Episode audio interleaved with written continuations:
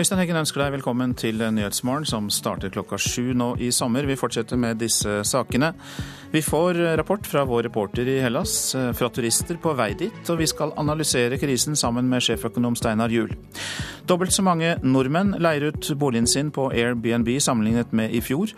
Og både de som skal selge kondomer og de som skal selge politikk, har tenkt å ta i bruk Snapchat oftere. Ja, som vi hørte i Dagsnytt, de greske bankene blir stengt i over en uke. Det, grunnen er den økonomiske krisen, selvfølgelig. Grekerne får bare ta ut uh, det som euro, som tilsvarer 522 kroner dagen i minibankene, og det er uh, ikke satt noen grense for utenlandske turister. Reporter i Hellas, Åse Marit Befring, ja, hvordan reagerer grekerne på at de i dag blir møtt av stengte banker? Folk er jo livredde for eh, sparepengene sine, selvfølgelig. Eh, de frykter for at de ikke vil ha nok penger mellom hendene til det de trenger. De har jo da tømt eh, matvarebutikkene.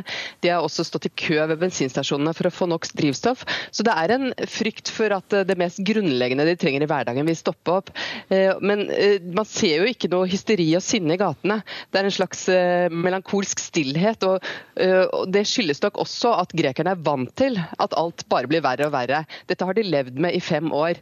Og En jeg snakket med i går, han sa at eh, vi vil nok venne oss til eh, dette også. Selv om de tar det med stoisk ro, så er jo det med frykt for at man ikke får ut eh, nok penger, ikke får bensin, ikke får mat, alvorlig. Hva sier dette om den situasjonen landet er i? Nei, Dette er veldig dårlige nyheter for Hellas. Landet er jo nå i en kritisk eh, situasjon. fordi Det vil bety at enda mindre penger vil eh, sirkulere i samfunnet, fordi folk har mindre penger mellom hendene. Så en allerede svak økonomi Man vet jo at økonomien har krympet med 25% siden starten av krisen. Det vil nå eh, trolig gå inn i en dyp økonomisk tilbakegang. Og Det eh, som ligger bak, er selvfølgelig risikoen for at Hellas nå nærmer seg seg eh, det punktet hvor, det, hvor landet faller ut av eurosonen. Enten eh, at det velger å gå ut selv, eller på annen måte går ut fordi det går konkurs.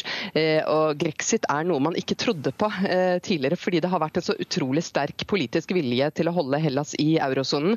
Men nå kan, kan det gå den veien like så godt som at man kan finne en løsning de nærmeste par dagene.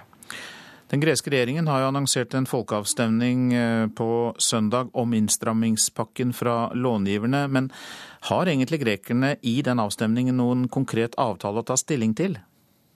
Nei, ikke hvis eh, kreditorene står på sitt. Altså Står kreditorene på sitt og sier at uh, i morgen går dette kriseprogrammet ut, det er den fristen dere har fått, uh, så betyr det at de pengene som de da skal stemme over på søndag, vil være historie. Uh, og frykten for at man nå kommer dit at man ikke får en avtale på bordet, det har fått børsene i Asia til å falle i dag. man venter også at de europeiske børsene vil reagere når de åpner, ikke minst fordi dersom Hellas skulle misligholde betale all den gjelda som nå øh, den skal betale på for, for, øh, fortløpende, så er eurolandene de landene som har øh, lånt mest til Hellas. Frankrike og Tyskland alene risikerer å tape 160 milliarder euro dersom Hellas skulle misligholde all offentlig gjeld. Takk så langt, reporter i Hellas, Åse Marit Befring. Det er lange køer foran minibankene på Oslo lufthavn nå. Pga. den tilspissede økonomiske krisen i Hellas, så vil jo nordmenn sikre seg kontanter til ferien. Og blant dem som er på Gardermoen, er Gro og Titta Landgren, som eh, vår reporter snakket med for få minutter siden. Vi skal til eh, Hellas, Nidri i eh, Lefkas. Der skal vi være i to uker. Du har fått med deg at det er vanskelig å få tak i penger i Hellas nå? Det har vi fått med oss. Ja da. vanskelig å unngå. Ja. ja. Så hvordan har dere forberedt dere? Vi har tatt ut kontanter. Ja. Vi tror det skal gå fint, ved. Vi har tatt med oss det vi trenger, tror jeg. Dere har, med kontant, har dere tatt ut så mye dere kan for å ha med dere i to uker, eller? Ja, jeg har vel tatt med sånn at jeg tror at det er nok, men det kan godt hende at det går litt mer likevel. Vi får prøve å se hvor langt det holder, og så håpe på at det gir seg der nede. At vi fortsatt kan få tatt ut penger i bankomaten, eller betalt med kort, for den saks skyld. Nå er det sånn at Minibankene i Hellas er stengt i dag og skal åpne igjen i morgen. Og da er det sånn at eh, grekerne bare kan ta ut 520 kroner ca. per dag. Hva, hva, tenker dere om det? Å herre min hatt, altså. Det er jo ikke budsjettet for én dag på ferie engang. Ja ja, vi får bare se den og håpe på det beste. Krysse fingra, altså. Mm. Men er det sånn at dere eh, vurderer å spandere på noen grekere som kanskje har vanskeligere for å få tak i penger når dere kommer ned? Det vet man aldri. Det kan jo fort skje, det. Eh, men der vi er, så eh, jeg tror ikke det er der grekerne Jeg tror ikke det er de grekerne som opplever de store problemene. Det tenker jeg mest inne i Aten og inne i de større byene. Nå når dere har tatt ut kontanter, dere er ikke redd for å bli frastjålet? da? Har dere klart å skjule det på forskjellige steder? Ja Jeg har tenkt på den saken.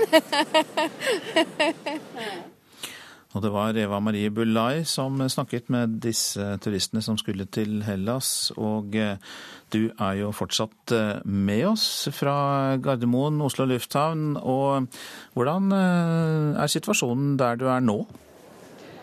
Ja, akkurat nå så står jeg og ser utover et folkehav av mennesker som skal på ferie. Som dere hørte, så møtte vi noen som skal til Hellas, men eh, andre jeg snakka med sa at heldigvis skal vi ikke til Hellas, for de har hørt om problemene der. Her står jeg sammen med kommunikasjonsrådgiver i DNB, Vidar Dalsbø. Jeg må jo bare høre, Har dere merka noe ekstra pågang nå med minibankene og folk eh, har hørt om krisen i Hellas? Det har vi absolutt gjort. Eh, vi ser det at det er mange, spesielt for Hellas, som tar ut mye mer euro enn det de gjør vanligvis. Og Det er jo noe vi også har, har anbefalt dem å gjøre. Hvor mye euro kan man egentlig ta ut? På minibanken vår på flyplassen så har du mulighet til å ta ut 9900 kroner. Og I tillegg da har du mulighet til å gå i filialene våre, men eh, da må du være DNB-kunde. Nå er det jo sånn at Vi hører at minibankene går tom i Hellas. Er det sånn at det er fare for at minibankene her på Gardermoen f.eks. går tom? Nei, vi har eh, ganske bra eh, beholdning av euro og andre valutasorter i sommeren, så, eh, så det er nok ikke med det første.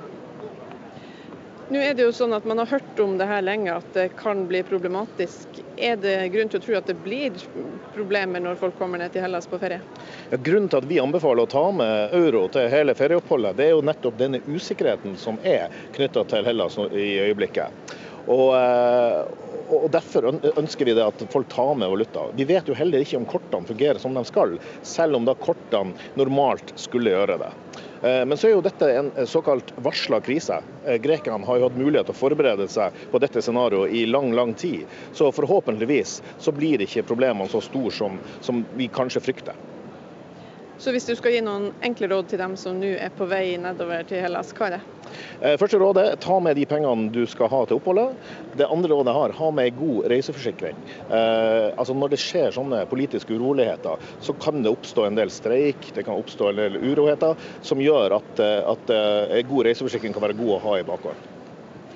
Så får vi håpe folk har forberedt seg godt. Nå er det jo sånn at Nordmenn faktisk kan ta med 25 000 eh, norske kroner ut på reise, mens grekerne som vi hørte, de kan bare ta ut 520 kroner dagen fra i morgen. Takk til deg, Eva Marie Belay, som altså snakket med Vidar Dalsbø fra DNB. Ja, greske banker tvinges jo da til å holde stengt i seks eh, virkedager. Det er begrensninger i grekernes uttak, som vi hørte. Men eh, statsminister Alexis Tsipras sier at folk kan ta det med ro. Innskuddene i bankene er trygge, og det samme er lønningene. Sjeføkonom i Nordea, Steinar Juel, velkommen. Hvor troverdig er det Tsipras her sier? Altså jeg er alltid skeptisk når eh, en statsminister finner behov for å si at pengene er trygge. Det er ikke noe godt tegn. Så han kan ikke Han, kan ikke, eh, han må si det. Men, men eh, det er høyst usikkert hva situasjonen nå blir fremover. Og det er liksom ikke noe, det er ikke noe, det er ikke noe vei som peker fremover hvordan de skal løse situasjonen etter at de seks dagene er gått hvor bankene skal ha stengt. Det er som, Om de åpner opp da igjen, det vet vi ikke. Eh, fordi det er ikke noen politisk eh, vei som peker fremover til å løse dette. Hvordan vil du beskrive det vi ser i Hellas nå, sammenlignet med det vi har sett eh, tidligere? Er jo, nå er det blitt mer akutt, eh, og det er, eh, det er, en mer dramatisk situasjon. Og det er mye større usikkerhet. Og det, det, det vil føre til enten at uh, man får en situasjon hvor Hellas sklir ut av eurosonen, eller at det kommer et politisk initiativ fra gresk hold, eventuelt fra EU- og IMF-hold, eller begge deler. og det kan bli også som følge av den folkeavstemningen vi skal ha nå på søndag. Hvis det f.eks. skulle ende opp med at det greske folk støtter det som var avtalen, for det er ikke noen avtale lenger, det som var tilbudet fra EU og IMF, Eh, så har man jo en nokså spesiell situasjon i Hellas, fordi den greske statsminister går mot, mot den avtalen. Eh, og da, da, kan det bli nyvalg. Det er, det er veldig mange politiske usikkerheter. Det høres jo veldig vanskelig ut for Hellas og grekerne, så hvorfor kunne ikke kreditorene IMF og EU ha enda litt mer tålmodighet med grekerne? Sånn som, sånn som, slik som det lekker ut nå, så jo, hadde jo EU eh, e og IMF nå eh, et tilbud liggende på bordet som grekerne ikke så fordi de forlot forhandlingsbordet eh, sånn plutselig og reiste hjem og fortalte at de skulle ha folkeavstemning. Så det virker som det har vært en veldig dårlig prosess under forhandlingene. Og hvor, eh, skal vi tro disse meldingene, hvordan greske regjeringen har opptrådt eh, svært, svært klønete. Men utgangspunktet her er at det er ikke noe, det er ikke noe løsning for Hellas at, eh, at kreditorene bare hiver penger inn i systemet. De må vise en vei ut av krisen, og det er det de har forsøkt å gjøre. Det ble sagt her eh, at eh, børsene i Asia går ned, og at eh, det kan vi kanskje komme til å se i Europa også i dag. Og at dette får ringvirkninger for den globale økonomien. Men i den globale sammenhengen så er jo ikke Hellas noen stor økonomi, så hvorfor har det likevel så sterk betydning? Det skaper usikkerhet, noe usikkerhet om, om euroen og euroens fremtid. Og reaksjonene på børsene i Asia er Vel, det er merkbare, men det er ikke dramatisk. Eh, og vi ser også at euroen har svekket seg noe. Ikke veldig mye, men litt. Eh, og jeg tror heller ikke at dette kommer til å bli noe dramatisk heller. fordi eh, som du sa, Hellas er liten. De fleste som har lån til Hellas, de, de har si, trukket seg tilbake for lenge siden. Eh, det er, sett, eh, det er, stort sett, statlige institusjoner, internasjonale institusjoner, som har lån til Hellas nå. Det er lite utenlandske banker som har lånt dit. Det er lite eh, bedrifter som har kreditt til greske bedrifter, osv. osv. Men det er en flytende situasjon, det kan vi i hvert fall trygt si, Steinar Juel. Det kan vi si. Takk skal du ha, du er sjeføkonom i Nordea. Nå til Tunisia. Der varsler myndighetene en kraftig opptrapping av sikkerheten ved landets turiststeder etter terrorangrepet fredag. 38 mennesker ble drept da en mann skjøt rundt seg på en strand i badebyen Sos. Og minst 30 av de drepte er briter. Korrespondent Sigurd Falkenberg Mikkelsen, du er i denne byen nå. Og hvilke tiltak setter tunisiske myndigheter inn? I første omgang så dreier det seg om eh, mer synlig politi. Eh, det så vi her eh, i går. Det var mer politi i gatene, i innkjøringen til byen og også rundt i, i, i rundkjøringene. Og så nede på, nede på stranda så var det også bevæpnet politi, og altså også politi til eh, eh, hest. Om det er lignende tiltak som gjøres overalt, er jeg ikke sikker på. Det som har vært snakk om å utplassere rundt 1000 nye politifolk, men det er også et dilemma her, for de vil jo ikke gjøre det for synlig, slik at de dessverre naturister i Tunisia føler seg enda mer utrygge pga. den tilstedeværelsen har eh, myndighetene funnet ut noe mer om eh, drapsmannen? Altså, det man vet, eh, er at nå at han handlet uh, alene. Det var jo spekulasjoner en periode om, han, uh, om det var flere angrepsmenn. Men uh, han var altså han som sto for udåden eh, alene. Men spørsmålet er om han hadde folk som hjalp seg i planleggingen. og Der er tunisiske myndigheter nå eh, sikre på at han hadde folk som hjalp han både til å planlegge, eh, transportere han inn eh, og også skaffe dette, den kalasjnikoven som han brukte. Eh, og Den eh, jakten der nå, den klappjakten på hans medsammensvorne, den foregår over hele Tunisia. Og så er det dette med å få bekreftet identiteten til de døde. Hvordan går dette arbeidet? Dette er jo etter hvert dette er jo en britisk uh, nasjonaltragedie. Uh, det er et enormt oppbud av britisk politi her for å etterforske hva som har hendt, og også da finne identiteten til de døde. Vi ser jo at de opplysningene som kommer fra, fra BBC bl.a., er at over da 30 minst av de drepte er briter. Jeg snakket selv med britiske turister i går som var rystet over det som har hendt, og, og som bare ville hjem som de aller fleste turistene er. Ja, mange har jo dratt hjem og blir hentet hjem. Eh, men kommer det noen nye turister i det hele tatt til Tunisia nå? Altså, jeg har ikke sett det, men jeg vil ikke utelukke at det er uh, turister som kommer hit, og at det er uh, andre uh, og også kommer til andre steder. dette blir jo individuelle beslutninger. Jeg tror de fleste turselskapene begrenser reisende hit nå, etter det som har hendt. men som også en av de norske turistene vi snakket med sa, at dette kunne hendt hvor som helst. og Den følelsen av en form for global utrygghet, den tror jeg nok har spredt seg de siste, siste, siste par årene, uten at det gjør situasjonen veldig mye bedre for Tunisia. Tunisia. Sigurd Falkberg Mikkelsen var det som rapporterte for oss fra SOS i eh, Tunisia. Greske banker tvinges til å holde stengt i seks virkedager. Grekerne pålegges sterke begrensninger i uttak fra minibankene. Myndighetene i Tunisia varsler altså en kraftig opptrapping av sikkerheten ved landets turiststeder etter terrorangrepet fredag, som vi hørte.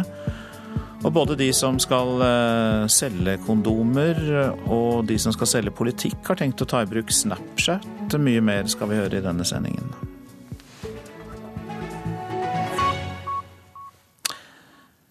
Vietan Berisha slutter i Viking og tar turen ut i Europa. Etter det NRK erfarer, ender fotballspilleren opp i Tyskland og sannsynligvis Kaiserslautern.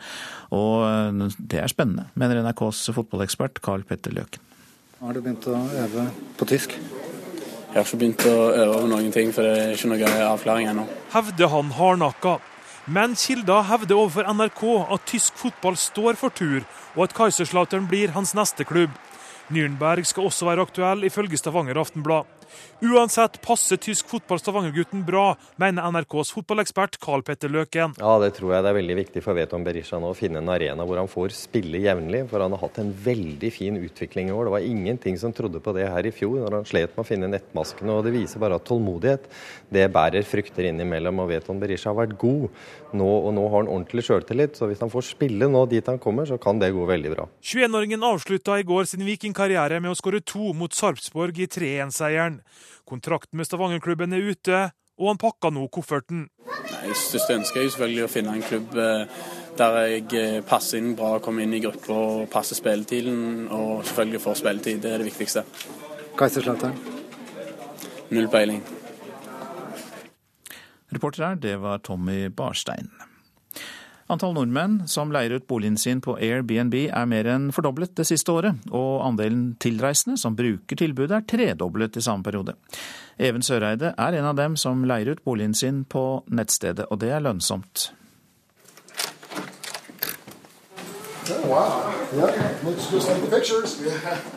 Den lyse leiligheten på Fredensborg i Oslo sentrum har to soverom og plass til seks overnattingsgjester. Sengene er fylt opp nesten hver dag i sommer, og i dag er det familien Atwood fra USA som kommer på besøk. Bare de siste tre dagene har jeg fått eh, ti henvendelser. Det sier Even Søreide, som eier leiligheten. 26-åringen har leid den ut med delingstjenesten Airbnb det siste året. Jeg har ikke noen dårlige erfaringer. De fleste rydder opp etter seg. og det er fordi at Dette er en vurderingssak. Jeg blir vurdert, de blir vurdert.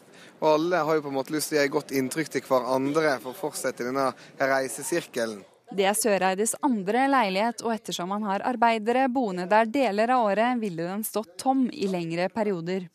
Ettersom det er leilighet nummer to, må han betale skatt av inntektene. Ja, Det er veldig, eh, veldig gode penger å tjene på det kontra å leie ut månedlig. I Norge er det i dag 6000 boliger som ligger ute på nettsiden Airbnb. Det er over dobbelt så mange som det var for ett år siden. 2500 av disse er i Oslo, og det er amerikanere som aller helst vil komme på besøk. Familien Atwood har besøkt både Bergen og Sogn før de tok toget til hovedstaden.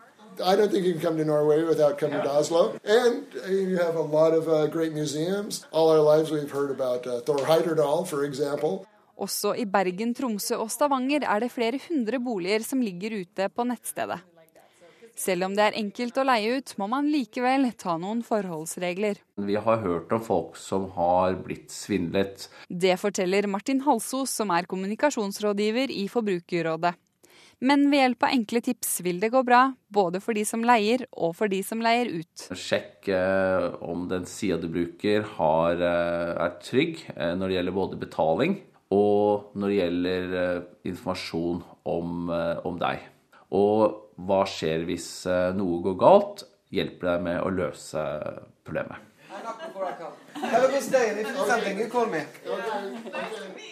I tillegg til at Even Søreide tjener gode penger på utleie, får han også møte folk fra hele verden. Det er veldig spennende å lære litt av andre kulturer de eh, minuttene jeg får i lag. Den reportasjen var laget av Randi Elise Midtskog. Og Kristin Undheim, hjertelig velkommen. Takk.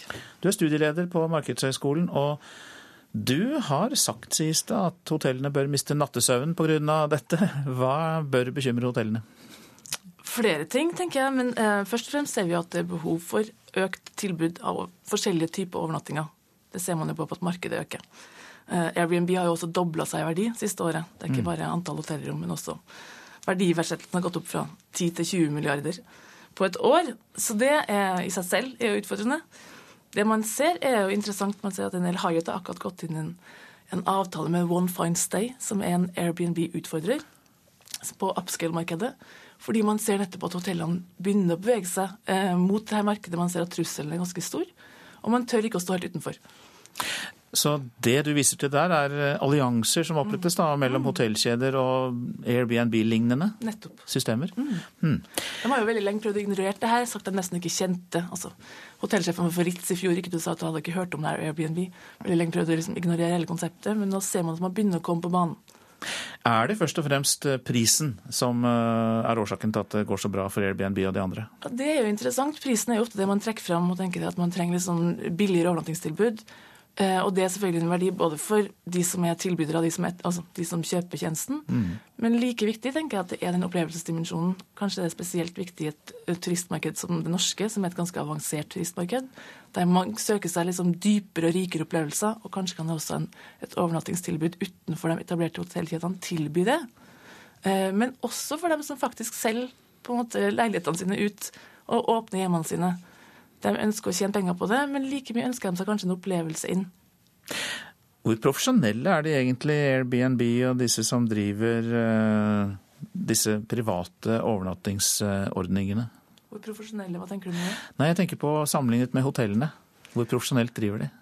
Ja, Det er et vanskelig spørsmål å svare på. Det er jo hvermannsen som kan leie ut. Eh, Airbnb har jo blitt kritisert for at det er en del halvprofesjonelle som går inn og Mm. leier ut. så Derfor er det vanskelig å svare på det.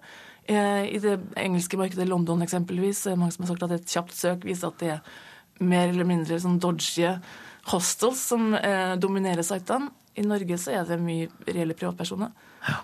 Så det er avhengig av markedet. Det er avhengig av markedet. Men eh, kan det tenkes at Airbnb og lignende tilbud da kan komme til å ta over mer og mer, og at hotellene blir sittende igjen med bare forretningsreisende og konferanser?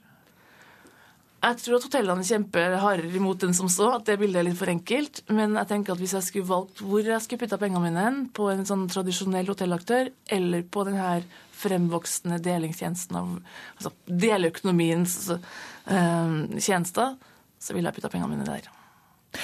Og denne deleøkonomien den gjelder jo da ikke bare hoteller, den er kanskje kommet for å bli. Den eh, gjelder jo transport også, drosjer. Det gjelder absolutt transport. Der har det vært veldig mye legale issues um, og tematikker rundt det. Uber eksempel, har jo vært veldig omdiskutert. Hvorvidt det er med å skape et sånn gråsonemarked i et marked som har slitt for å bli gjennomregulert i mange år. Um, men man ser det på drosjer, man ser det på kunnskapstjenester, konsulenttjenester. Um, man ser det på andre tjenester, uh, tjenestetilbud. Veldig mange bransjer ser man at denne tanken om at man kan en annen forretningsmodell basert på deling, på en måte entrer banen. Det forekommer meg at de tradisjonelle ikke bare kan vifte dette vekk, Kristin Undheim.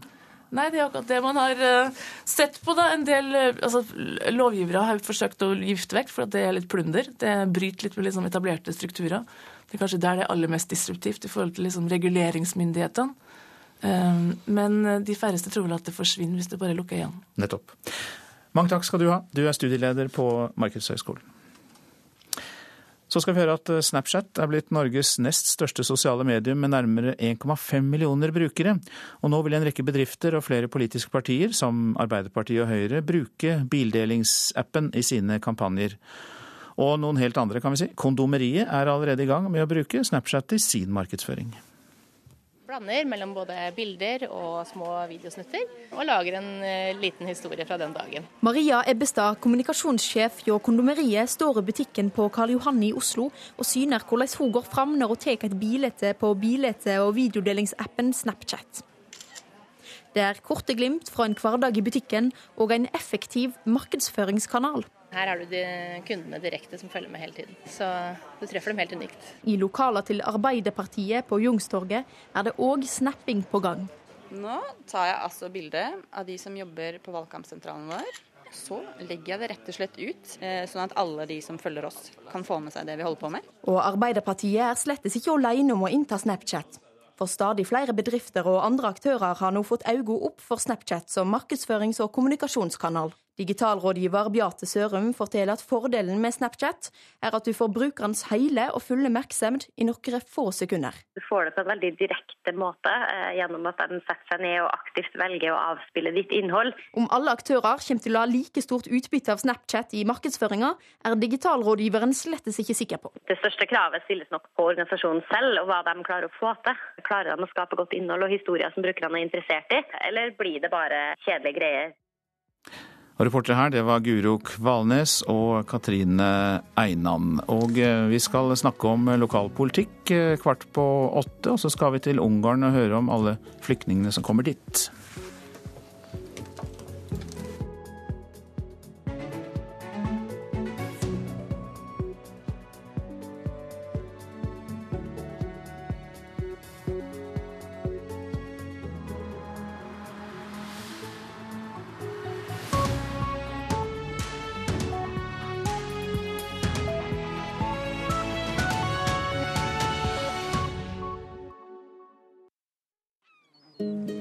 Sommer i P2. Jeg heter Liv Marit Veberg.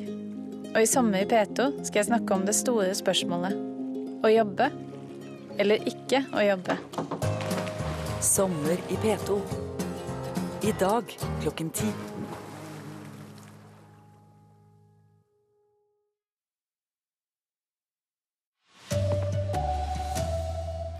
Grekere står i kø for å handle mat og drivstoff. Bankene i Hellas holder stengt i over én uke. Myndighetene i Tunisia skjerper sikkerheten etter terrorangrepet på fredag.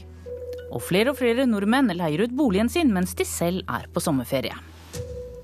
God morgen, her er NRK Dagsnytt klokka 7.30. Ja, først til Hellas, der alle banker blir stengt i over én uke. Det har greske myndigheter bestemt i natt. Det skjer etter en helg der nesten halvparten av alle minibankene i Hellas er tømt for penger. Noen steder har også folk begynt å handle inn ekstra mat. Vi er da ikke i krig, sier drosjesjåfør Leonidas Papayano. Han synes det er komisk hvordan folk har stilt seg opp i køer, både for drivstoff og mat. They went to the supermarket and they have taken uh, supplies for food. That's illogical. Det er unormalt, mener han. Og sier det er deres egen feil at bankene nå holder stengt. That's why they closed the banks, because everyone uh, thought, let's get to the bank, to the bank and uh, take some money. Det er rolig i den greske hovedstaden når jeg kjører med Papayano gjennom Atens gater. Her og der forsøker folk å ta ut penger fra minibankene, men det er ingen køer lenger. De fleste minibankene er allerede tømt av folk som er livredde for at sparepengene skal bli mindre verdt hvis de må gå over til annen valuta. Hellas er nærmere en grexit enn noen gang. I morgen går fristen ut for kriselånet landet trenger til å betale på gjelden sin. Etter over fire måneders forhandlinger mener Papayano likevel at den greske statsministeren gjorde hva han kunne. Sure, but, uh, uh,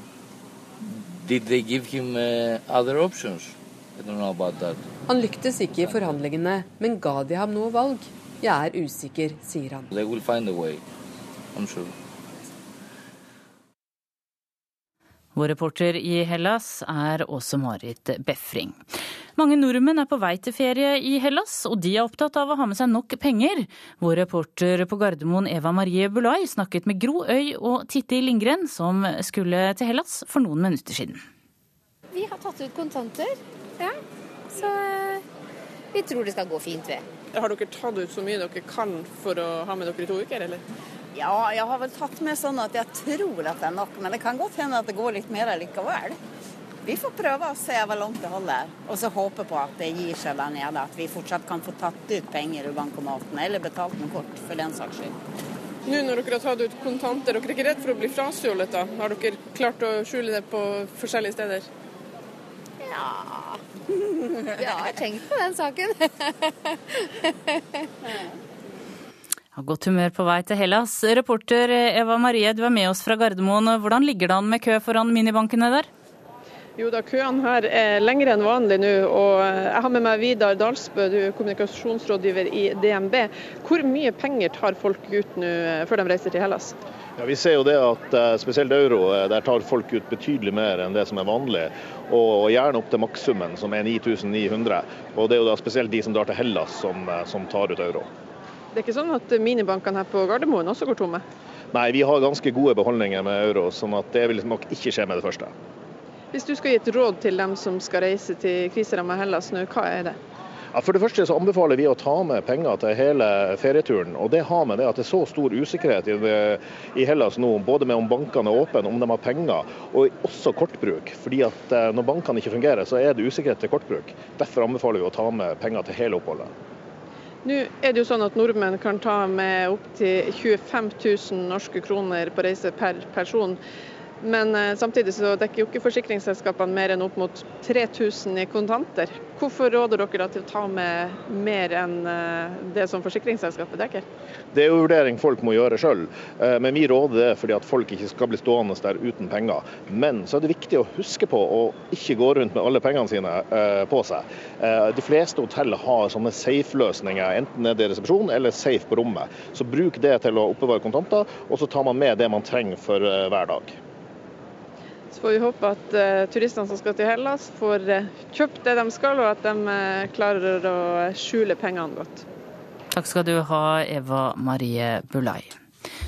De norske turistene som var i SOS i Tunisia under terrorangrepet på fredag, landet på Gardermoen i natt. 38 mennesker ble drept i angrepet på stranda i SOS, og myndighetene i Tunisia varsler nå en kraftig opptrapping av sikkerheten. Korrespondent Sigurd Falkenberg Mikkelsen, du er med oss fra SOS. Hvilke tiltak setter myndighetene nå inn for å bedre sikkerheten? Det er snakk om å utplassere rundt 1000 eh, ekstra politifolk. Eh, det har også vært snakk om å bruke hæren, men det har ikke jeg sett noe til. Men vi har lagt merke til et eh, betydelig sterkere tilstedeværelse av politi her. Bl.a. med bevæpnet politi og også ridende politi på stranda. Problemet for tunisiske myndigheter er for det første at det kommer for sent for å hindre dette angrepet. Og det andre er at det er vanskelig å sette opp et veldig sterkt sikkerhetsoppbud, for det vil også oppfattes som skremmende av de turistene som eh, er igjen her. Har myndighetene nå i løpet av helgen funnet ut noe mer om gjerningsmannen? Nei, altså det, nå, det, de nå er sikre på, er at han uh, gikk til angrep uh, alene. Det var jo spekulasjoner om det var flere med uh, som også skjøt på folk inne på hotellet. Det er de ikke ifølge tunisiske myndigheter. men de regner med at han hadde medsammensvorne, folk som hjalp ham med å planlegge. Transporterte han til hotellet, ga ham våpenet og slike ting. Og det foregår nå en klappjakt på disse menneskene rundt om i hele Tunisia. Mange turister eh, har reist hjem etter terrorangrepet. Kommer det nye turister til? Jeg har ikke sett eh, noen eh, nye komme til, men det er ikke dermed sagt at det ikke er noen busser her og der. Men de aller fleste turselskapene har jo annullert reisene hit til SOS. Og det kan være individuelle reiser. Og som en av de norske turistene sa her, altså at dette hvor som helst. Og Det kan nok gjøre at kanskje noen ikke føler seg så utrygge i Tunisia som eh, andre, i hvert fall de som har vært gjennom eh, disse, disse, disse dagene her i SOS. Takk skal du ha, korrespondent Sigurd Falkenberg Mikkelsen. Flere og flere nordmenn leier ut boligen sin mens de selv er på sommerferie. Andelen nye norske boliger på nettstedet Airbnb er mer enn doblet på ett år. Even Søreide er en av dem som velger å leie ut via Airbnb, og han sier det er lønnsomt.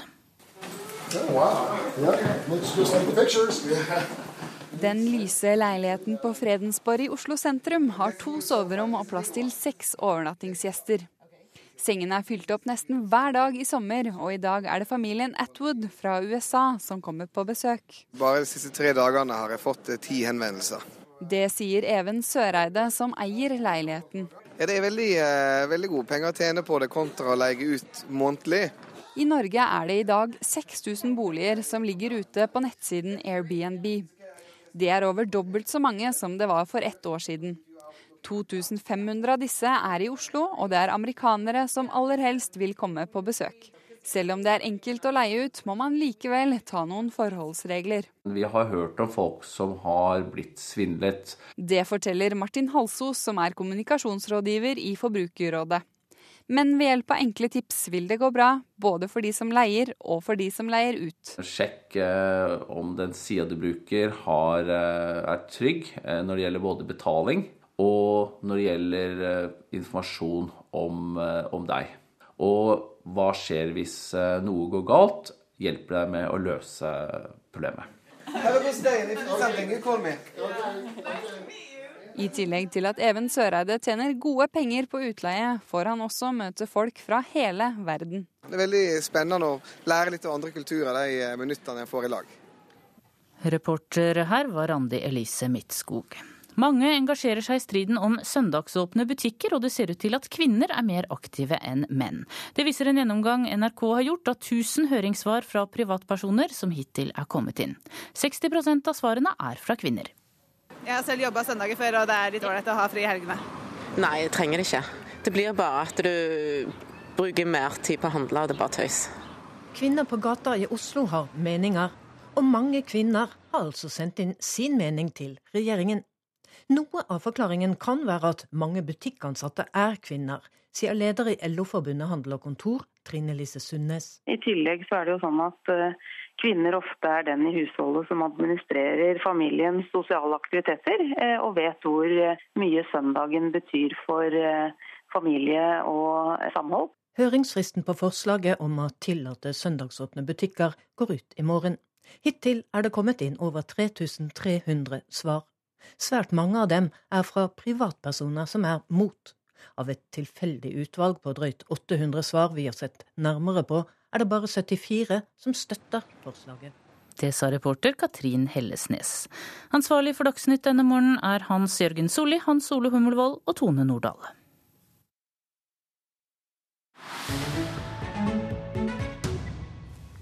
Ja, du lytter til Nyhetsmorgen. Migrantene de fortsetter jo å strømme inn i Europa, og de europeiske landene fortsetter å krangle om hvem som skal ta seg av dem. Ungarn, med sine rundt ti millioner innbyggere, var det EU-landet som etter Sverige tok imot eh, flest migranter nå i fjor. Men ungarerne har fått nok nå. Denne reportasjen er laget av Silje Landsverk.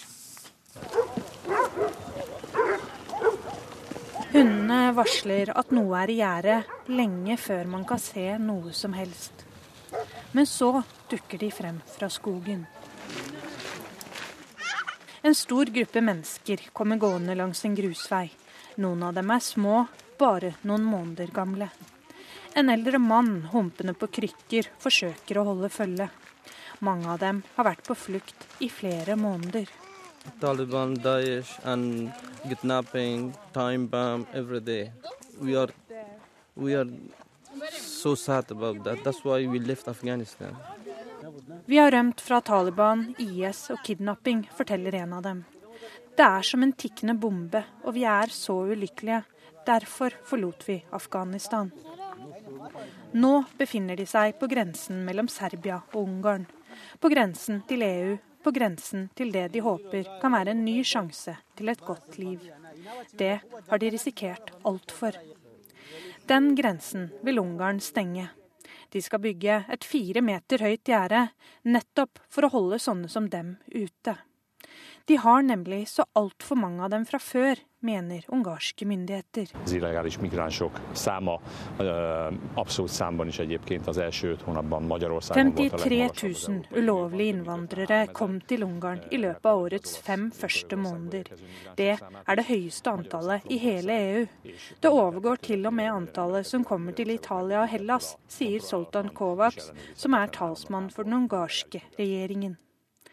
Av den grunn mener Ungarn at EUs forslag om å fordele byrden med migranter som ankommer Italia og Hellas, likt mellom medlemslandene, bør skrinlegges. Landets statsminister Viktor Orban har uttalt at forslaget er på grensen til galskap.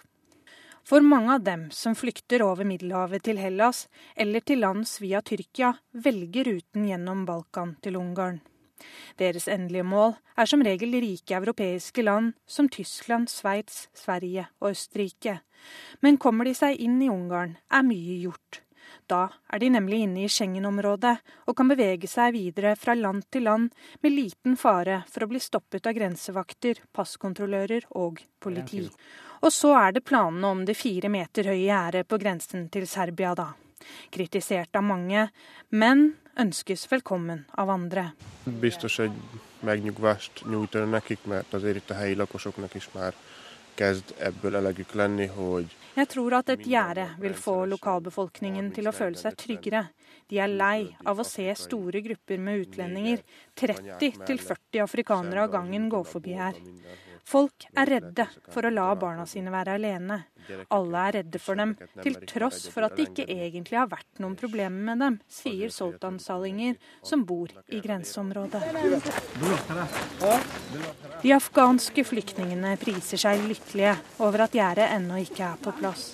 De kom seg over grensa til Ungarn, der de blir registrerte. Etter hvert går ferden videre nordover til Tyskland, der familiemedlemmer venter på dem. Dette er Nyhetsmorgen, dette er hovedsaker eh, nå. Grekerne står i kø for å handle mat og drivstoff. Bankene i Hellas holder stengt i over en uke. Myndighetene i Tunisia skjerper sikkerheten etter terrorangrepet fredag. Og flere og flere nordmenn leier ut boligen sin mens de selv er på sommerferie.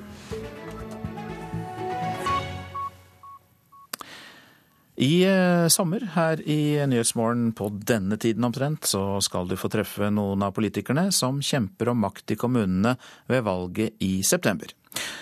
Og vår sommerserie starter i hovedstaden.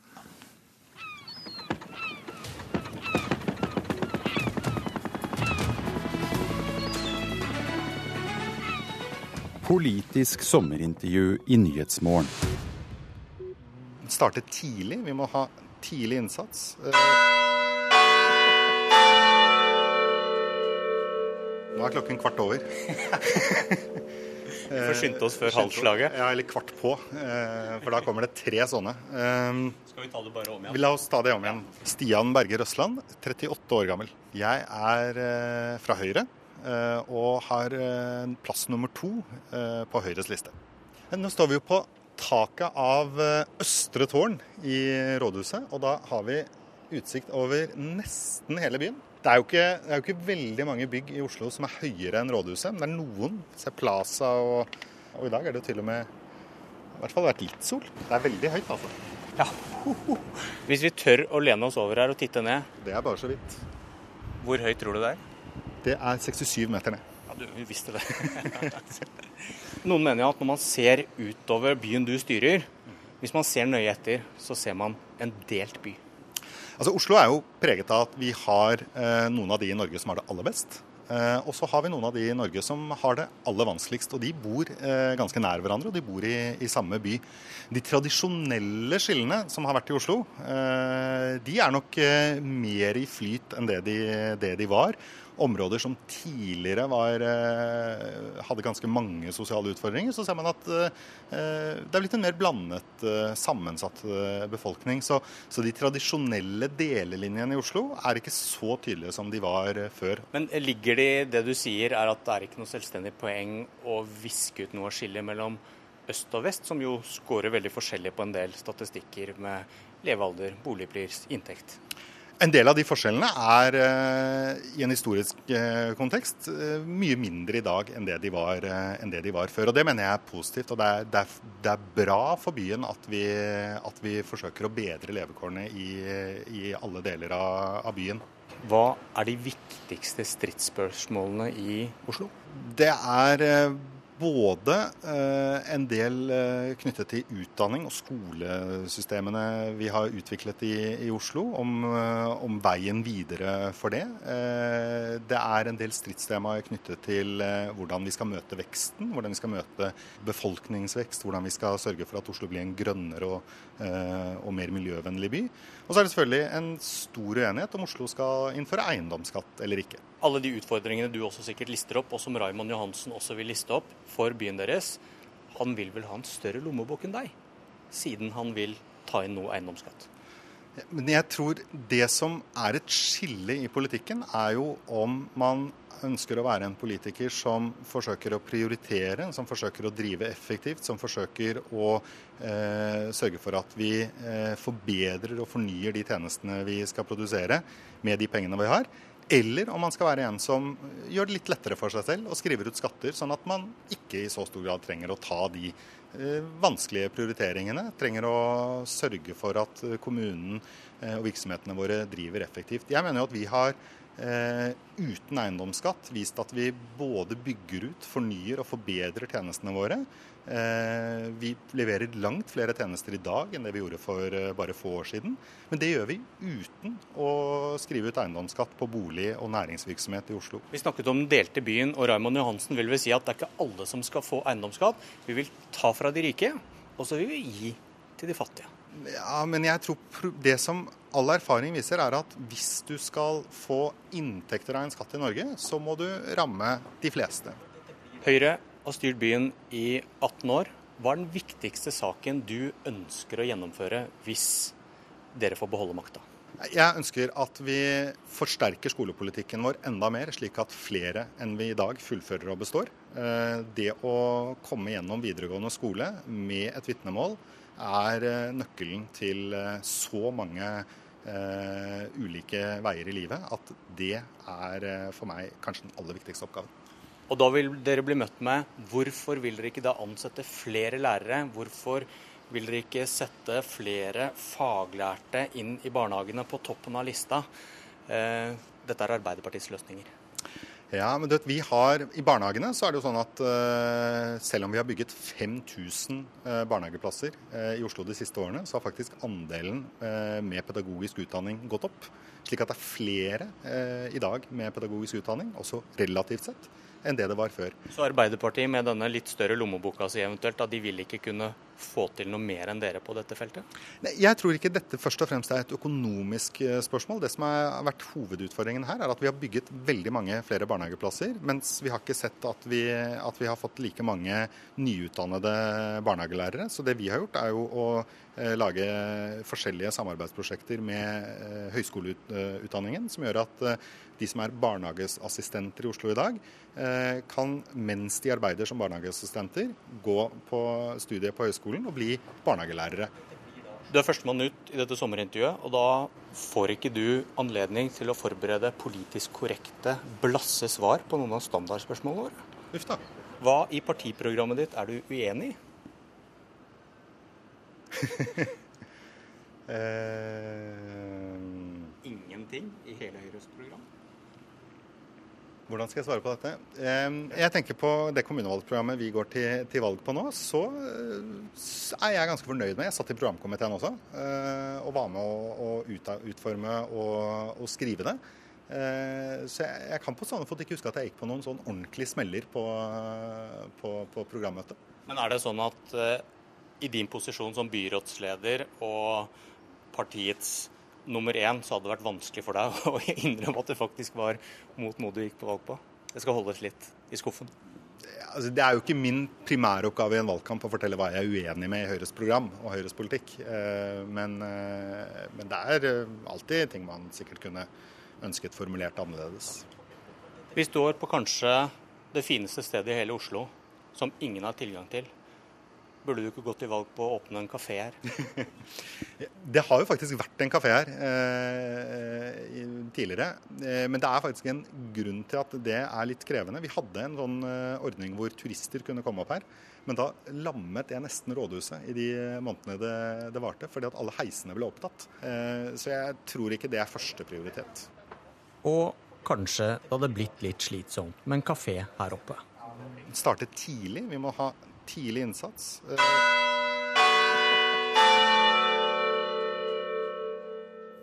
Der tok eh, klokken i rådhustårnet over for eh, Stian Berger Østland, som ble intervjuet av Bjørn Myklebust. Som vi hørte i Dagsnytt for litt siden, mange engasjerer seg i striden om søndagsåpne butikker, og det ser ut til at kvinner er mer aktive enn menn. Det viser en gjennomgang NRK har gjort av et tilfeldig utvalg på 1000 av høringssvarene fra privatpersoner som har kommet inn hittil. 60% av svarene er fra kvinner. Er greit at det er litt ro, og at ikke alle må måtte jobbe på søndag. Jeg har selv jobba søndager før, og det er litt ålreit å ha fri i helgene. Nei, jeg trenger det ikke. Det blir bare at du bruker mer tid på å handle, og det er bare tøys. Kvinner på gata i Oslo har meninger, og mange kvinner har altså sendt inn sin mening til regjeringen. Noe av forklaringen kan være at mange butikkansatte er kvinner. Det sier leder i LO-forbundet Handel og Kontor, Trine Lise Sundnes, som er mot søndagsåpne butikker. I tillegg så er det jo sånn at uh, kvinner ofte er den i husholdet som administrerer familiens sosiale aktiviteter, uh, og vet hvor uh, mye søndagen betyr for familie og samhold. Høringsfristen på regjeringens forslag om å tillate søndagsåpne butikker går ut i morgen. Hittil er det kommet inn over 3300 svar, svært mange av dem fra privatpersoner som er mot. Mange er med på kampanjer med felles ordlyd. Vi har sett nærmere på et tilfeldig utvalg, drøyt 800 av dem, og det er bare 74 som støtter forslaget. For det første regner jeg med at det skaper arbeidsplasser. Det blir jo flere som, som eh, må stå i butikkene. Og så er det enkelt og greit for oss som skal handle. Og det kan se ut som om menn kanskje er mer positive til søndagshandling. Bare 23 av de som sier ja, er kvinner. 51 er menn.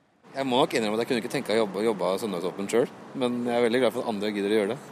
Hvorfor mener du det bør være åpent? Jeg syns ikke det er noen grunn til at det skal være stengt på søndager, bare fordi vi har noen gamle regler og noen gamle religion som sier at vi skal ikke arbeide på søndag. Det syns jeg bare er tull. Reportere her Katrin Hellesnes og Randi Midtskog. Sivert Bjørnstad, god morgen til deg. God morgen, god morgen. Du er med oss på Skype. Du eh, tilhører Fremskrittspartiet, sitter i kirke-, utdannings- og forskningskomiteen, skal behandle forslaget fra regjeringen når det kommer til Stortinget.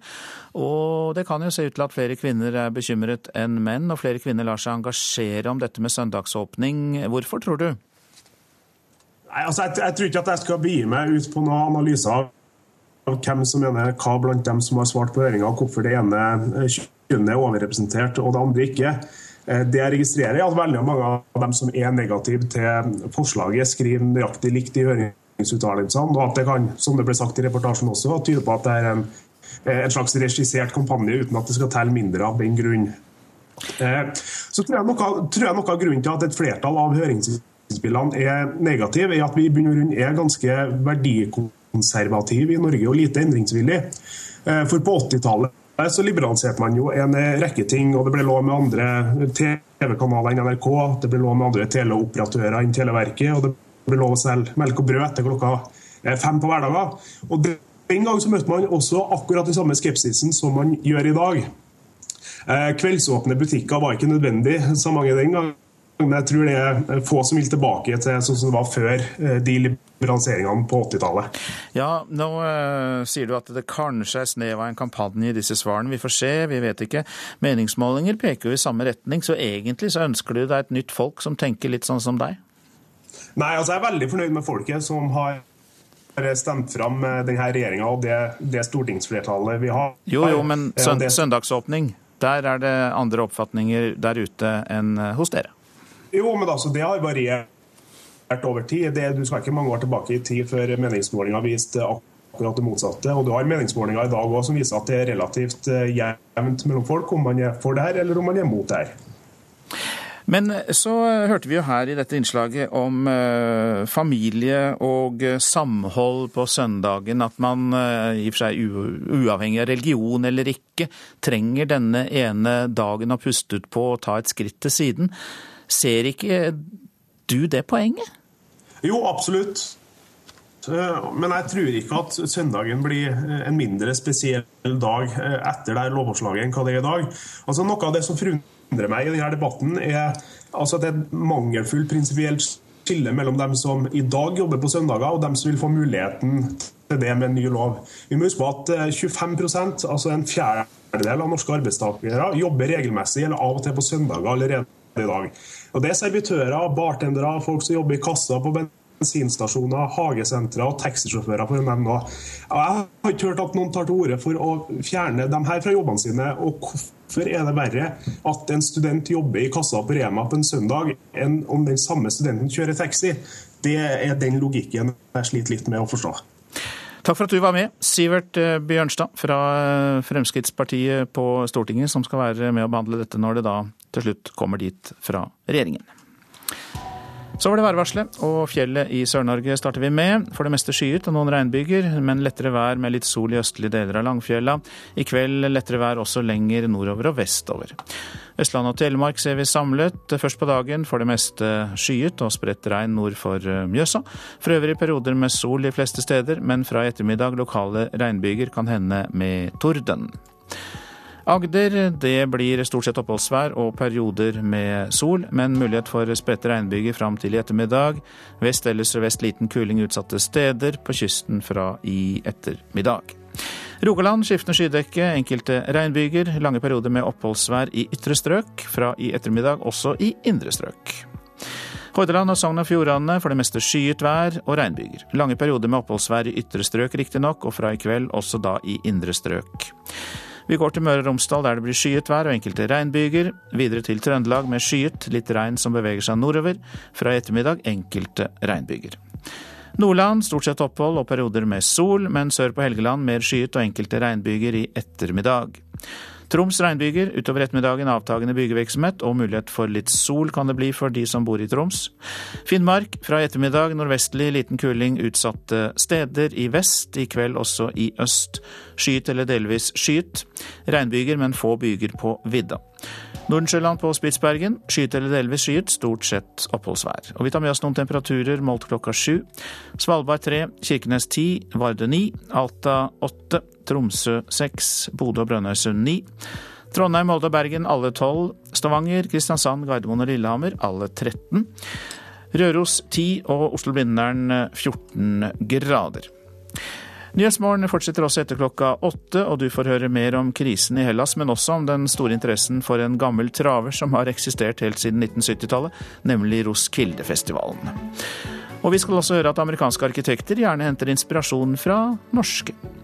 Prosent for Nyhetsmorgen i dag, Elisa Heisel Asbjørnsen. Her i studio, Øystein Heggen.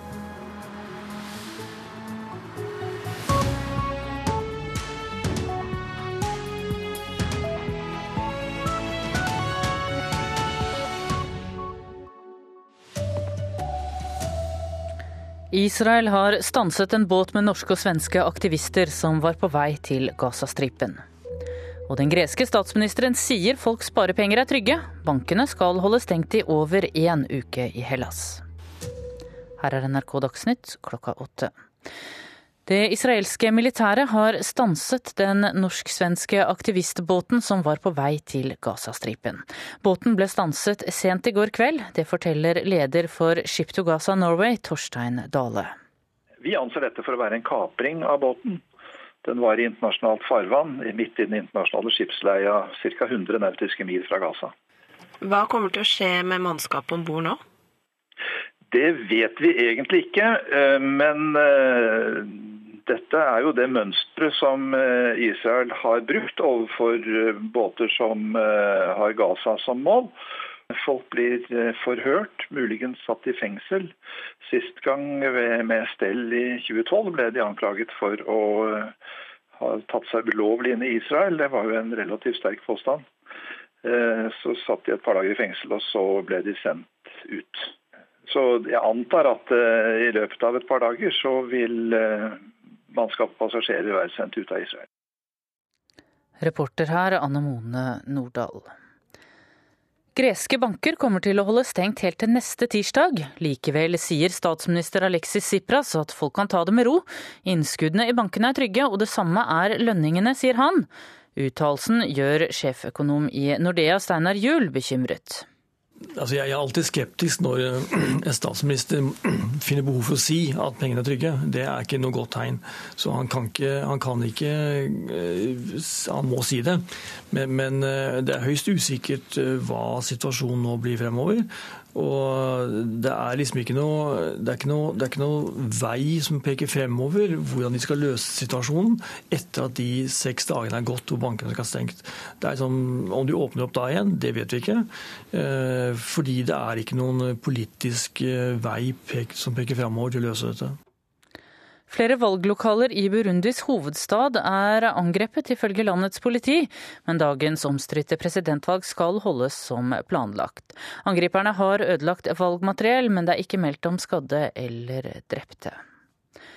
De norske turistene som var i SOS i Tunisia under terrorangrepet på fredag, landet på Gardermoen i natt. Det ble satt opp fly slik at de kunne komme hjem noen timer tidligere enn planlagt, ifølge TV 2. 38 mennesker ble drept i angrepet på stranda i SOS på fredag. Det var NRK Dagsnytt i denne omgang. I studio Tone Nordahl.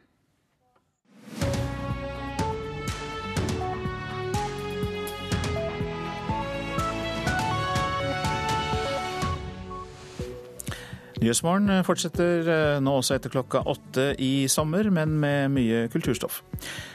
Dette er våre saker nå. Ikke alle i Hellas er like bekymret for stengte banker og vedvarende krise. Vi får reportasje fra vår reporter der. Amerikanske arkitekter lar seg inspirere av norske, for de lager nemlig bygg der folk vil oppholde seg lenge. Roskildefestivalen er en gammel kjenning. Den er det fortsatt stor interesse for. Og vi skal snakke om at Snapchat brukes mer og mer, både i markedsføring og til politiske kampanjer. Som vi hørte nå på morgenen, folk i Hellas møter stengte dører i bankene i dag. Og det vil heller ikke være mulig å ta penger ut av minibankene. Bankene skal være stengt til tirsdag i eh, neste uke.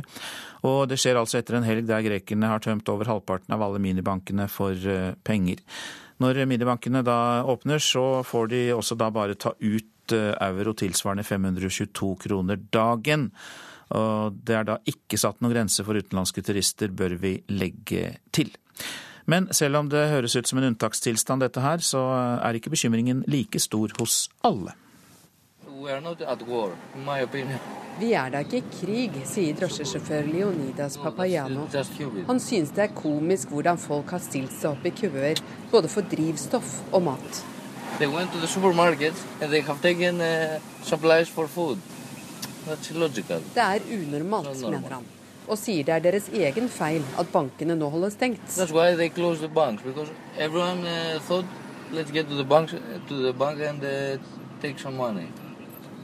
Det er rolig i den greske hovedstaden når jeg kjører med Papayano gjennom Atens gater.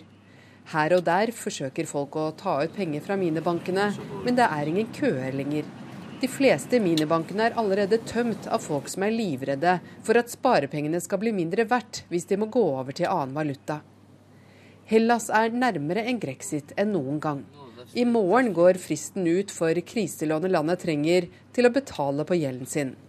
Etter over fire måneders forhandlinger mener Papayano likevel at den greske statsministeren gjorde hva han kunne. He wasn't successful, that's for sure, but, uh... Did they give him uh, other options? I don't know about that. Han lyktes ikke i forhandlingene, men ga de ham noe valg? Jeg er usikker, sier han. Men alt håp er ikke ute.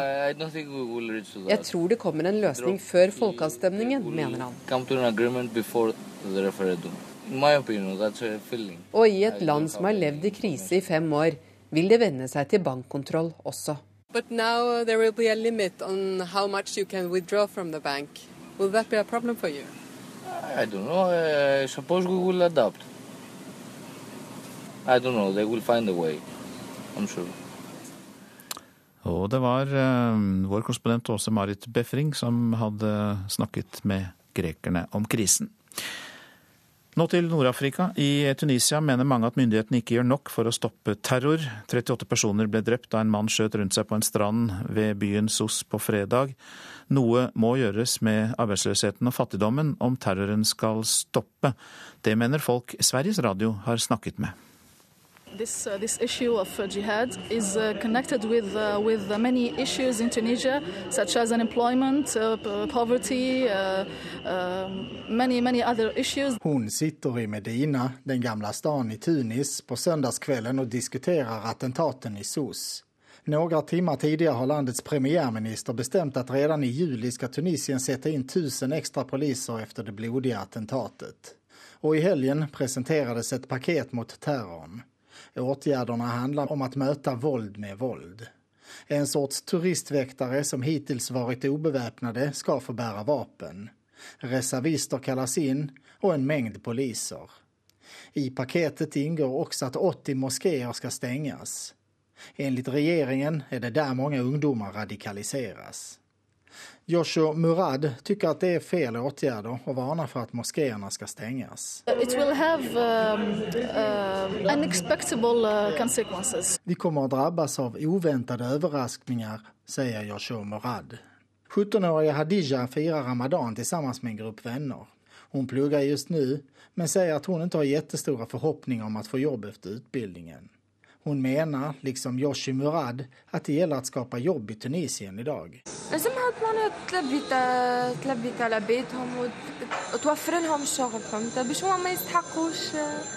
I SOS hölls flera demonstrationer i helgen, både utanför hotellet som drabbades värst och inne i centrala SOS.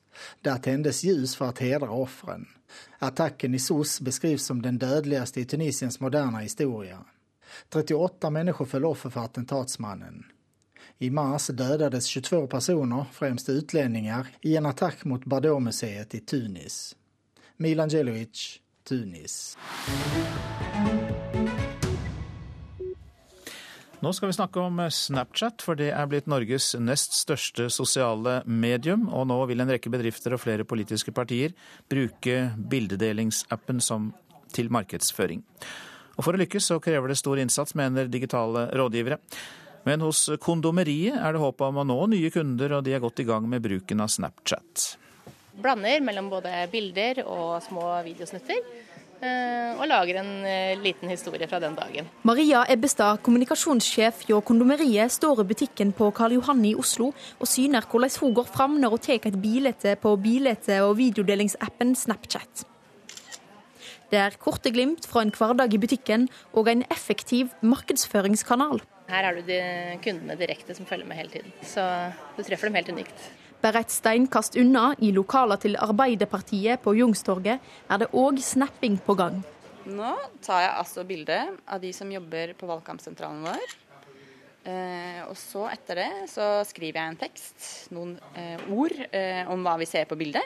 Eh, og så legger jeg det rett og slett ut. Eh, og da bruker vi jo ofte å legge det ut på My Story, eh, sånn at alle de som følger oss kan få med seg det vi holder på med. Og Arbeiderpartiet er slettes ikke alene om å innta Snapchat. For stadig flere bedrifter og andre aktører har nå fått øynene opp for Snapchat som markedsførings- og kommunikasjonskanal. I tillegg til Arbeiderpartiet har òg Høyre Snapchat-konto. Aktører som Strømmen Storsenter og DJus har til og med vært på kurs for å lære seg å bruke dette sosiale mediet. Appen som lar brukerne dele bilder og video, ble lansert i 2011, og fikk fort et rykte på seg for å være en sexting-app, der brukerne delte nakenbilder. Rett nok har tjenesten vært brukt til dette formålet, men mye har skjedd siden den gang. I dag er Snapchat Norges nest største sosiale medium etter Facebook. Nærmere 1,5 millioner nordmenn har konto på Snapchat.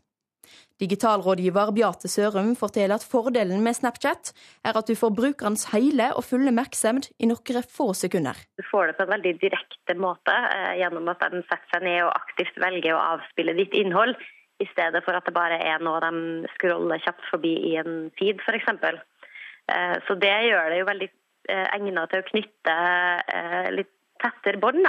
Kommunikasjonsrådgiver i Arbeiderpartiet Mari Brennli forteller at de opplever Snapchat som en mulighet til å by litt ekstra på seg sjølve gjennom de små øyeblinka. Altså, det er jo utrolig mye som skjer liksom, i kulissene når man er en, et politisk parti. Eh, og jeg tror kanskje det er der vi har en fordel. At vi kan vise fram eh, noe av det som folk ikke får i de andre kanalene. Da. Om alle aktører kommer til å ha like stort utbytte av Snapchat i markedsføringa, er digitalrådgiveren slettes ikke sikker på. Sørum mener at det beror mye på om en greier å gjøre seg sjøl interessant nok for brukeren. Det største kravet stilles nok på, på, måte, på organisasjonen selv og hva de klarer å få til. Eh, klarer de å skape godt innhold og historier som brukerne er interessert i, eh, eller blir det bare kjedelige greier?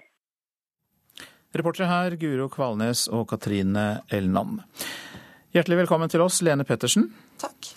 Du er høyskolelektor ved Westerdal School of Arts Communication and Technology i Oslo.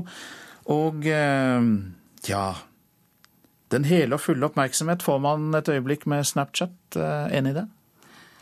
Ja, det, det, er klart man får det. Eh, hvis du er der. Det er noe ene. Det andre er hvem er du i Snapchat-verden?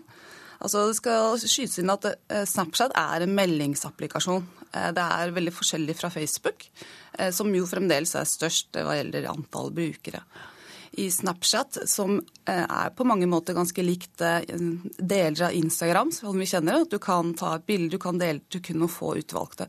Og Dette er en tendens vi ser i utviklingen i sosiale medier. At det går fra å være på den store offentlige arenaen til å eh, tiltrekke oss mindre kommunikasjonsrom, da, på en måte.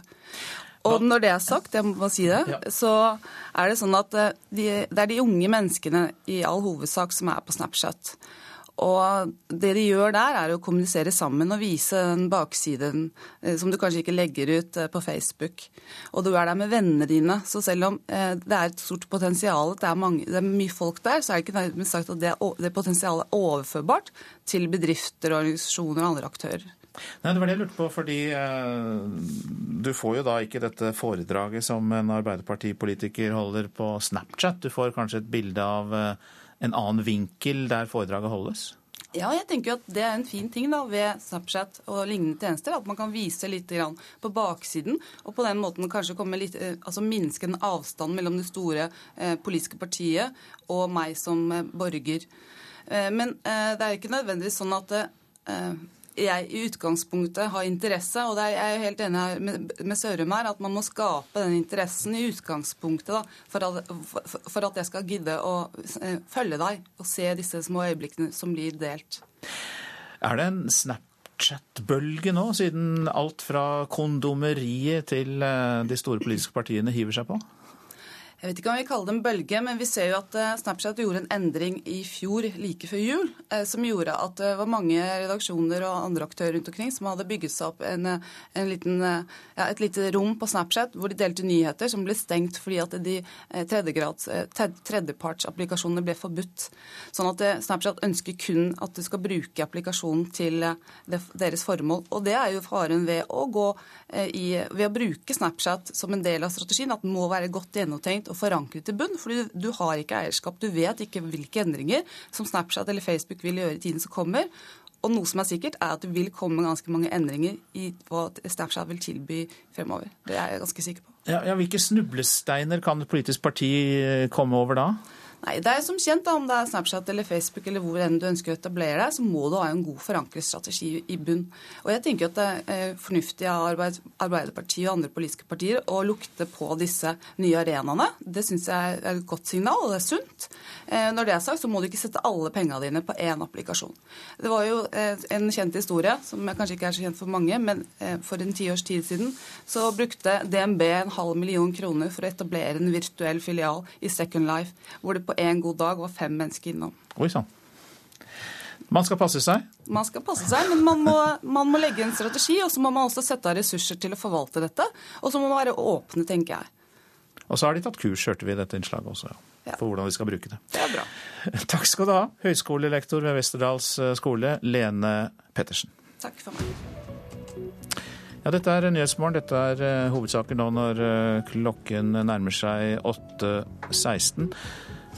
Det israelske militæret har stanset den norsk-svenske båten som var på vei til Gazastripen. Båten hadde med seg solcellepanel og forsøkte å bryte den israelske blokaden.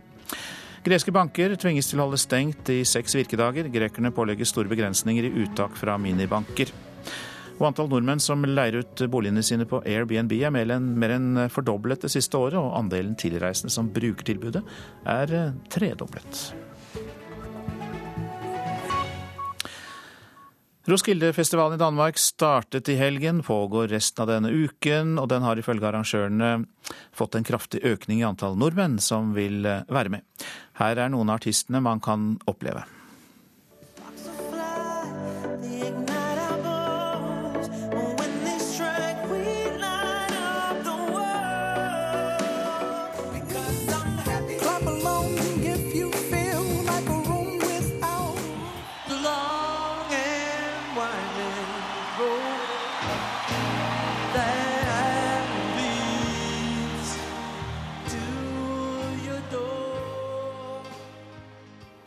Hørtes ikke gærent ut dette her, Robert Hoftun Gjestad? Nei, tror det blir veldig bra. ja.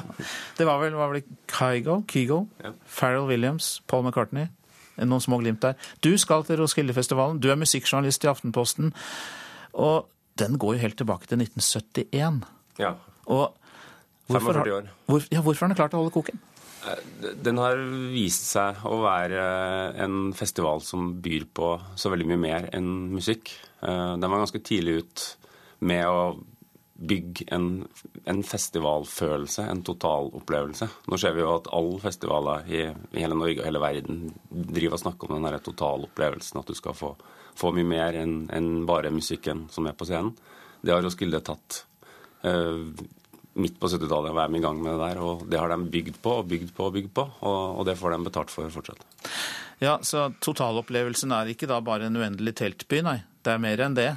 Altså, på 80-tallet og 90-tallet, når jeg begynte å gå der, så var det en teltby som ikke hadde noe særlig mye mer. Eh, nå er det bygd opp Altså, det bygges opp som en by med 80 000, opp mot 100 000 mennesker. Altså, det er en av, der og da en av Norges største og en av Danmarks største byer. Eh, så infrastrukturen er en helt annen nå enn det var da. Det er helt ypperlig å være det.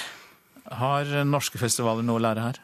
Ja, absolutt. Altså I Norge har vi jo byfestivaler eh, knytta til bysentrum, sånn som her i Oslo og Bergen og Trondheim, og, og Stavernfestivalen som er nå til uka. og og noen ting. Eh, vi mangler den der, denne festivalen her. HV-festivalen har jo prøvd seg eh, mot et litt yngre publikum enn det Roskilde har, men eh, de klarte ikke det. Eh, og det er litt dumt, for, fordi at eh, vi burde hatt en sånn type camping festival. Eh, og det er jo sikkert grunnen for at det da øker i antall tusen som drar nedover dit i år. Eh, at folk har lyst til å oppleve det, lyst til å være der. Det er en fri uke å være der. Og da, den, den får du helt på samme måte når du, når du bor hjemme og går på festival på, på Øyafestivalen. Jeg syns nesten du sitter der og vibrerer av glede over å skal reise ja. dit. Jeg, jeg prøvde å telle opp, jeg er litt usikker, men jeg har vært på Roskilde 14-15 ganger, tror jeg. Eh, og fordi jeg nå ikke bor i telt i år, men bor på hotell i og med at jeg skal ned og jobbe, det er litt mer praktisk, så, så er liksom følelsen den samme. Og det, og det er så veldig mye den følelsen du drar for. Eh, selvfølgelig for å se Paul McCartney Eh, som det store navnet, og, og, Kendrick Lamar og Disclosure og fader John Misty og de norske med Kygo Enslaved og Susanne Sundfør. Ja, du går og ser på dem, mm. men du kan like gjerne bli sittende i rom og sigarbaren i time etter time og bare prate med folk, og så glemmer du at det foregår konserter rundt deg. Og den følelsen, den gleder jeg meg til hvert år. En helhet, altså. Virkelig. Ja, det er en totalopplevelse. Mm. Og, og, og norske festivaler jobber mot dit. Altså Buktafestivalen eh, i Tromsø sier jo at eh, vi har rock, øl og sjømat. Det er liksom det de byr på, og det er utsolgt hvert år. Og, og, og flere og flere bygger den der opplevelsen. Roskilde har kalt det for the orange feeling, og har bygd på den siden tidlig 70-tall. God tur til vår blide nabo i sør, Robert Hoftun Gjestad. Takk. Du er musikkjournalist i Aftenposten. Nå skal vi høre at 100 eh, amerikanske arkitekter for tiden er på inspirasjonstur i Norge. Norske arkitekter lager intime bygg man vil være lenge i, er amerikanernes konklusjon.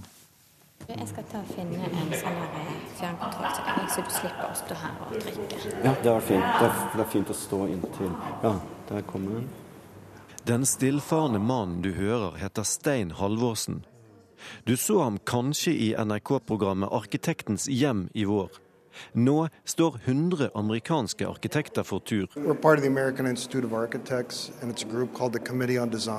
De har reist til Norge bl.a. for å få et foredrag av mannen som har tegnet bygget de er i. Gymsal i Bergen brannstasjon er rigget med klappstoler, og en gedigen skjerm dekker hele den ene kortveggen. Men arkitekten bak bygget oppdager plutselig en mangel. Gymsal er rett og slett for lys for lysbildepresentasjon. Har du noen ord å si til arkitekten her? for mye sol i Bergen i dag. Kan du si meg hva du tenker om at det kommer eh, oppunder 100 amerikanske arkitekter over til, eh, til, Norge for å se hva, hva dere gjør her? Det er, jo, det er, jo, veldig hyggelig, ja. Kjempehyggelig. Og jeg må innrømme, vi er jo stolt av brannstasjonen her i Bergen. Det er vel et av de flotteste prosjektene våre. Og grunnen til at han er stolt, er forståelig. The American Institute of Architects er USAs eldste interesseorganisasjon for arkitekter. Og i samarbeid med Norske arkitekters landsforbund er de altså på en ukes studietur i Norge. Our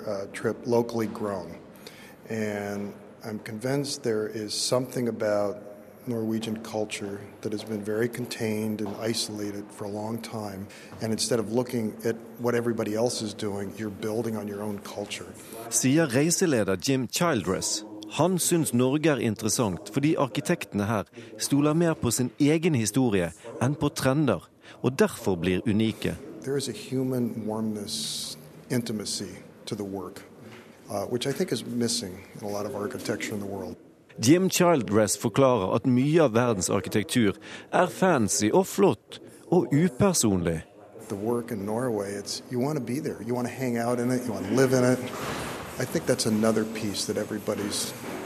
Um, responding to. Mens det de har sett i Norge, har den kvaliteten at de har lyst til å være lenge i byggene. Og det tilskriver han en nærhet til natur og naturlige materialer, og noe intimt som mangler i mye amerikansk arkitektur.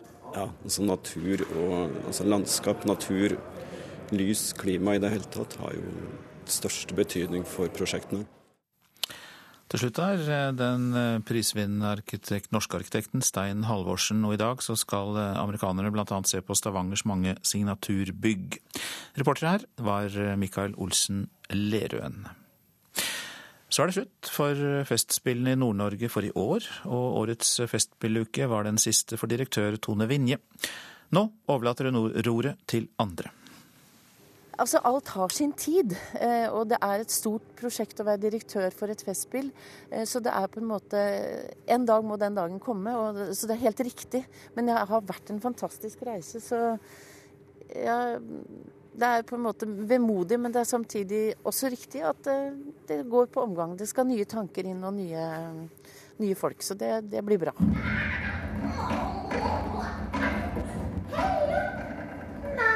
Nyskrevet samisk barneteater på scenen i Harstad. Et av nærmere 100 arrangement under Festspillene i Nord-Norge 2015. Direktør Tone Vinje oppsummerer årets festival slik. Det har vært veldig mye sånn følelsesmessig respons. Det har ingenting med at jeg skal slutte, men, men på selve programmet og på det med Georg Buljo som festspillprofil, fokuset på alt det spennende som skjer innenfor det samiske i dag, blikket mot mye av det som skjer fra øst, har folk tatt veldig, veldig imot. Og det beveger jo selvfølgelig et festspilldirektørhjerte. Nå overlater du stafettpinnen til Maria Utsi, som er sjef for Varangerfestivalen. Hva slags råd gir du Maria Utsi? Følg hjertet ditt. Ja, det rådet fikk den nye direktøren fra den avtroppende Tone Vinje, og reporter var Rune Norgård Andreassen. Vi har en presserunde her også i Nyhetsmorgen, og krisen i Hellas preger avisene. Grekerne er i ferd med å gi opp, skriver Bergens Tidende. Med pest eller kolera som eneste alternativer velger grekerne en tredje vei, resignasjon og stoisk ro. Hellas er på vei mot stupet, er oppslaget i Aftenposten. Bankene holder stengt i seks dager, minibanker tømmes. Varsler børssmell, er Dagens Næringslivs vri på krisen. Økonomer venter en kraftig reaksjon på børsene, ikke bare i Europa, men også i Asia og Amerika. Folkeavstemningen blir et skjebnevalg for Hellas, skriver Klassekampen. Statsminister Alexis Tsipras kaller EUs og IMFs forslag til løsning for et ultimatum. Fullt kaos, minibankene er tomme og vanskelig å skaffe bensin, sier noen norske turister i Hellas til VG. Men likevel er det ingen grunn til ikke å reise, sier reiseselskapet Ving. Utenlandske bander herjer i Norge, får vi vite i Dagbladet. Gjenger fra Romania, Chile og Vest-Balkan knyttes til lommetyverier, innbrudd, ran, tyveri av luksusbiler, prostitusjon og narkotika. Og vi må jobbe målrettet på tvers av distriktene for å ta de kriminelle gruppene, sier Hårek Elvenes, som sitter i justiskomiteen for Høyre, og selv ble offer for innbrudd av kriminelle fra Chile. 600 jobber knyttet til oljenæringen er gått tapt i Trøndelag de siste ni månedene, kan vi lese i Adresseavisen. Men samtidig er det skapt nye arbeidsplasser, slik at nettotapet blir det halve, drøyt 300. Arkivopplysninger om norske innbyggere kan bli sendt til dataservere utenfor Norge, kan vi lese i Vårt Land. Selv om det er forbudt å lagre utenfor landets grenser, så vil mange kommuner søke om fritak for å lagre personlig informasjon om oss i utenlandske nettskyer. Dagsavisen forteller om opprør i Oslo-skolen. De foreldrene avisen har møtt, forteller om testhysteri, prestasjonsjag og lærere som kommer i skvis. Har nytt fjøs med plass til 1000 sauer, men foreløpig er det bare én der. Nasjonen forteller om Stein Roger Lerum, som ikke får kjøpe sau fra nabofylkene til sitt gardsbruk i Gjerdrum i Akershus. Han rammes nemlig av restriksjoner på flytting av småfe på tvers av fylkene for å unngå dyresykdommer, men opplever det som yrkesnekt. For første gang mister et utested i Oslo skjenkebevilling pga. etnisk diskriminering. Oslo kommune utførte to kontroller av nattklubben på Oslo vestkant og fant bevis for diskriminering. Og nå får utestedet ikke lov å servere alkohol en uke. Det tror jeg har store konsekvenser å miste muligheten til å selge alkohol i en uke for et utested. Så håper vi tar lærdom av det. Det sier avdelingsleder i Likestilling- og diskrimineringsombudet Åsulv Solstad. Med ett års mellomrom utførte Oslo kommune to diskrimineringskontroller på utestedet. Begge gangene ble det avslørt at personer med en annen etnisk bakgrunn enn norsk ble nektet adgang. Den ene gruppen eh, slapp inn, mens den andre gruppen, som da hadde en annen etnisk bakgrunn enn eh, norsk, ikke gjorde det. Er dette alvorlig? Det er et uh, brudd på både alkohollov og diskrimineringsbestemmelser, og det er selvfølgelig ikke akseptabelt. Uh, og da er reaksjonen at uh, vi inndrar bevilgningen. Det sier byrådsleder i Oslo, Stian Berger Røsland fra Høyre. Et utested som blir tatt to ganger i diskrimineringskontroll, mister sin skjenkebevilling. Den daglige lederen ved nattklubben er i utlandet og vil ikke kommentere saken før han får vedtaket tilsendt. Under saksbehandlingen forsvarte han seg med at politiet hadde advart mot kriminelle med innvandrerbakgrunn som var på vei til området rundt utestedet. Dermed var de ekstra forsiktige med hvem de slapp inn. Dette skjedde samme kveld som kommunen utførte sin diskrimineringskontroll. I en e-post til NRK bekrefter politiet at nattklubben ble advart mot kriminelle, men at etnisitet eller signalement ikke ble nevnt. Oslo politidistrikt ønsker ikke å kommentere saken ytterligere. Avdelingslederen i Likestilling- og diskrimineringsombudet Åsulf Solstad er glad for at Oslo kommune har nulltoleranse mot utelivsdiskriminering. Han sier at ombudet mottar mange klager på utesteder, men at det er store mørketall. Jeg Håper de tar det til seg og endrer rutinene sine. Reporter her var Fouad Asharki. Dette er Nyhetsmorgen. I den neste halvtimen som fortsetter etter Dagsnytt, får vi mer om den norsk-svenske båten som er stanset av israelske militære.